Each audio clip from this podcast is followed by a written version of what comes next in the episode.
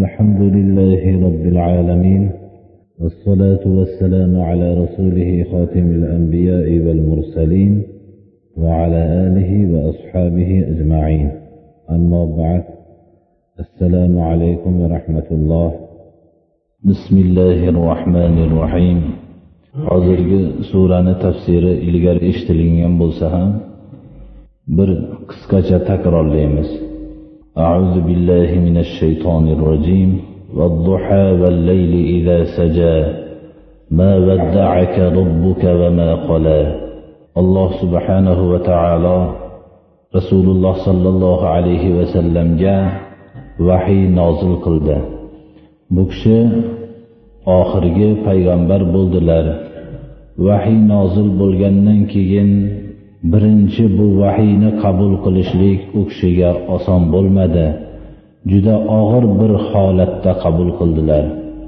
Chunki insonning ruhoniyat olami bilan bo'lgan aloqasi nihoyat darajada bir og'ir bir aloqa ekanligini buni payg'ambarlar biladi.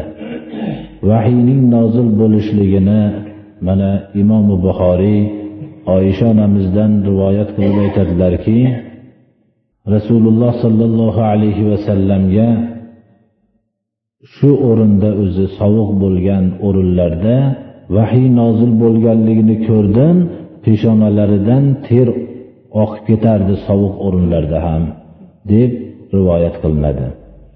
Payg'ambarimiz sollallohu alayhi vasallam avvalda mana mayda suralarni tafsirida aytib o'tdik. Nihoyatda bir tashvishlandilar.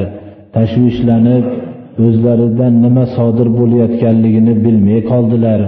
Shu sabab bilan o'zlari vahiy nozil bo'lganda jibril alayhissalom ko'ringanlarida qochib meni o'ranglar deb o'ranib yotib olardilar. Ma'lum bir muddat rasululloh sollallohu alayhi vasallamning qalblari vahiyga shavqlanishlik uchun vahiy to'xtab qolgan edi. Dushmanlar doim qanday bir fitnani uyushtirishlik yo'lida doim fitna uyushtirishlikni fikrlab yurishadi. Rasululloh sollallohu alayhi vasallamga vahiy to'xtab qolgandan keyin bu kishi bir balandlikka chiqsalar shunday ulug' dargohdan vahiy kelganligini bilmay qolganlari uchun ko'p alamlanib shu yuqoridan o'zlarini tashlavorsammikin degan xayol ham kelib qolardi. Endi men aloqa uzilib qoldim men bilmay qoldim deganga attangilganliklaridan shunday qalbi muboraklari shunday bo'lib qolardi. Shunda jibril alayhissalom ko'rinib siz ollohning elchisisiz men jibrilman deb taskini xotir qilardilar boshqa dushmanlar vahiy to'xtab qolganligini bilishib endi muhammadni rabbi yomon ko'rib qoldi deb fitna uyushtirishdi.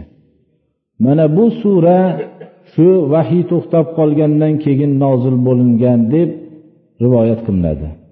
Alloh subhanahu va taolo choshgoh vaqtiga qasam ichib va kechaning o'zini qorong'ilik pardasini tashlagan vaqtiga qasam ichib aytyaptiki rabbi sizni bilan vidolashgani yo'q sizni tashlab qo'ygani yo'q sizni yomon ko'rgani ham yo'q ما ودعك ربك وما قلى وللآخرة خير لك من الأولى oxirat sizga bu dunyodan yaxshiroqdir والضحى والليل إذا س... والضحى والليل إذا سجى ما ودعك ربك وما قلى وللآخرة خير لك من الأولى ولسوف يعطيك ربك فترضى yaqin kelajakda alloh robbil alamin sizning bu da'vat yo'lida tortgan qiyinchiliklaringizga mukofotni beradi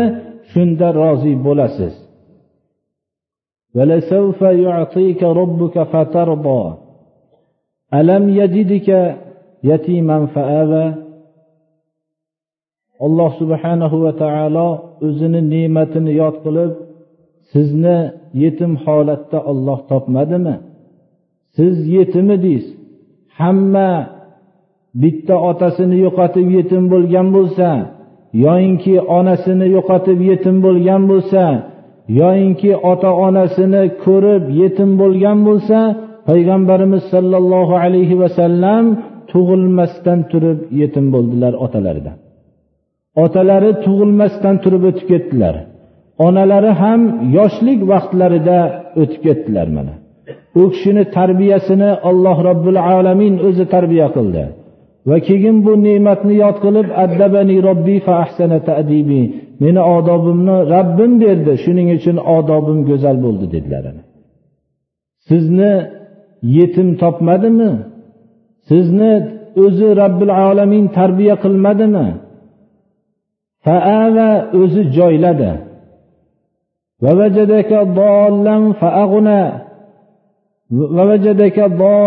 fahada olloh sizni qaysi millatni qaysi yo'l bilan bu gumrohlikdan olib chiqsamikin deb ko'p g'am chekardilar. Xalqning johiliyat botqog'iga botganligini qaysi yo'l bilan olib chiqib ketishlik haqida ko'p bosh qotirardilar. Alloh taolo shu ne'matni yod qilib sizni ana shunday yo'l qidirib topolmagan holatda topmadimi va sizni shunday haqiqat yo'liga hidoyat qilib qo'ymadimi alloh taolo deb minnat qilyapti. Ana demak yetim topib shunday yetim holatda topgandan keyin sizni shunday joylab shunday ne'matlarni berdi millatning qaysi yo'l bilan gumrohlikdan olib chiqib ketadigan yo'lni o'zi yo'lga hidoyat qilib vahiy nozil qildi. Demak qolgan hayotingizda yetimni hargiz yetimga zajr qilmang. Va sizga muhtoj bo'lib kelgan odamlarga zajr qilmang.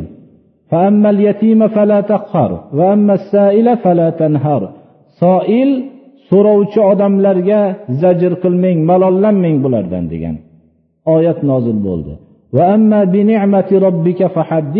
Robbingizni ne'matini doim odamlarga yod qilib so'zlab yuring rabbim menga bu ne'matni berdi rabbim menga u ne'matni berdi deb mo'min kishi shuni shukronasini doim yod qilib yurishligi kerak. Rasululloh sollallohu alayhi vasallamning hayotlarida biror kishi bir narsa so'rab kelgan bo'lsa la yo'q kalimasini aytmadilar deb rivoyat qilinadi. Faqat la ya'ni yo'q degan kalimani la ilaha illalloh kalimasidagina aytdilar deyiladi. Oldilariga kelgan kishilarning nima talablari bo'lsa shuni qondirdilar. Rasululloh sollallohu alayhi vasallamga hatto bir kishi kelib qattiq bir g'animat mollardan talab qilganlarida talab qilishlik natijasida kiyimlarini qattiq siqib kiyimlari durust bo'lganligi uchun bo'yinlariga bo'yinlariga u kiyimning ta'siri natijasida qizarib qolgan vaqti ham bo'ldi. Shunda payg'ambarimiz sollallohu alayhi vasallam keyin moli g'animat kelgan vaqtda shuni chaqirib ta'minladilar. Adolat qilmadingiz bu narsada deb aytgandan keyin endi shu narsani men berdimmi desalar shunda haqlarga duo qildilar. Ashobi kiromlarning qalblarida bir g'amginlik paydo bo'lib qolgan ediki bir kishining rasululloh sollallohu alayhi vasallamga shuncha zajr qilganligidan aytdilarki shu so'zingni ashoblarimni oldida ham aytib qo'ygin dedilar. Ashoblarimning ko'nglida senga nisbatan yomon bir holat paydo bo'lib qoldi dedilar. Deb yana o'zlari yo'llab bu birodarimiz dedilar avval bizdan norozi bo'luvdi keyin mana rozi qildik. Ba'zi mollarni berganimizdan keyin rozi bo'ldi shundaymi deb yana o'zlari yo'llab qo'ydilar. U kishi shu duolarni takrorladilarda ashoblarning qalbidan shu gina ko'tarildi birodarlar. Shunday oldilariga bir narsa so'rab kelgan kishiga hargiz yo'q demagan ekanlar. Ta'limi ilohiy u kishiga shuncha ta'sir qildi. Yetimlarni haqida bosh qatirganliklarini biz unchalik gapirishligimizga ham hojat yo'q. bu kishi yetimlarni rioya qilganliklarida hech bir kishi bu kishini bir miqdoricha ham yetimlarni zajr qilmasdan yashagan emas birodarlar mana bu oyat kalimada ham yetimlar haqida so'rashadi استعيذ بالله ويسألونك عن اليتامى قل إصلاح لهم خير وإن تخالطوهم فإخوانكم والله يعلم المفسد من المصلح ولو شاء الله لأعنتكم إن الله عزيز حكيم ashobi ikromlar islom ruhi bilan yetimlarni tarbiya qilishardilar ularning tabiiy otalaridan qolgan mollarini ham ehtiyot qilib saqlashib turishardilar shunda yetimlarni mollarini o'zlariga sarf qilishgan vaqtlarida shu ovqatdan o'zlari ham yeb qolishlik suratlari bo'lib qolardi shunda استعيذ بالله ولا تأكلوا أموالهم إلى أموال ولا تأكلوا أموالهم إلى أموالكم ularni mollarini o'zinglarni molinglarga qo'shib yemanglar degan oyat nozil bo'lganda bular yetimlarning ovqatlarini boshqa qilishib qo'ydilar o'zlari tarbiya qilayotgan yetimlarni ana shunda yetimlarni ovqatini berilganda odatda bu ovqat oshib aynib shunday bo'lib qolardi. Shu oyat shunda nozil bo'ldiki yetimlar haqida so'rashadi.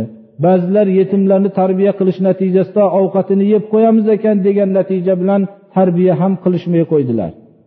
Shunda yetimlar haqida sizdan so'rashadi. Ularni isloh qilishlik ularni tarbiyalashlik chetlatib qo'ygandan yaxshiroq deb ayting mana. Ularni ovqatlarini o'zinglarni ovqatinglarga aralashtirsanglar birodaringlarniki olloh kim ularni molidan foydalanmoqchi kim ularni o'nglamoqchi buni bilib turadi.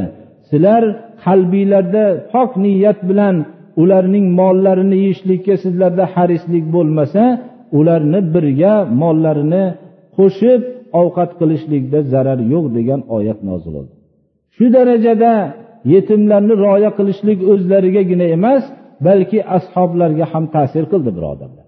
Shuning uchun hozirgi vaqtda ham biz ham shu yetimlarni rioya qilmoqligimiz kerak.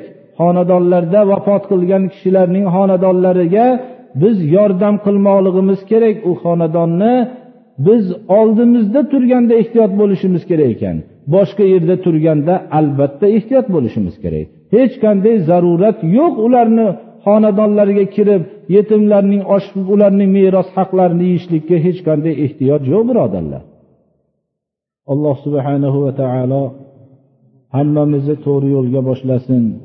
Hozirgi oyatdagi ahkomlarni rioya qilishlikka alloh hammamizga tavfiq bersin.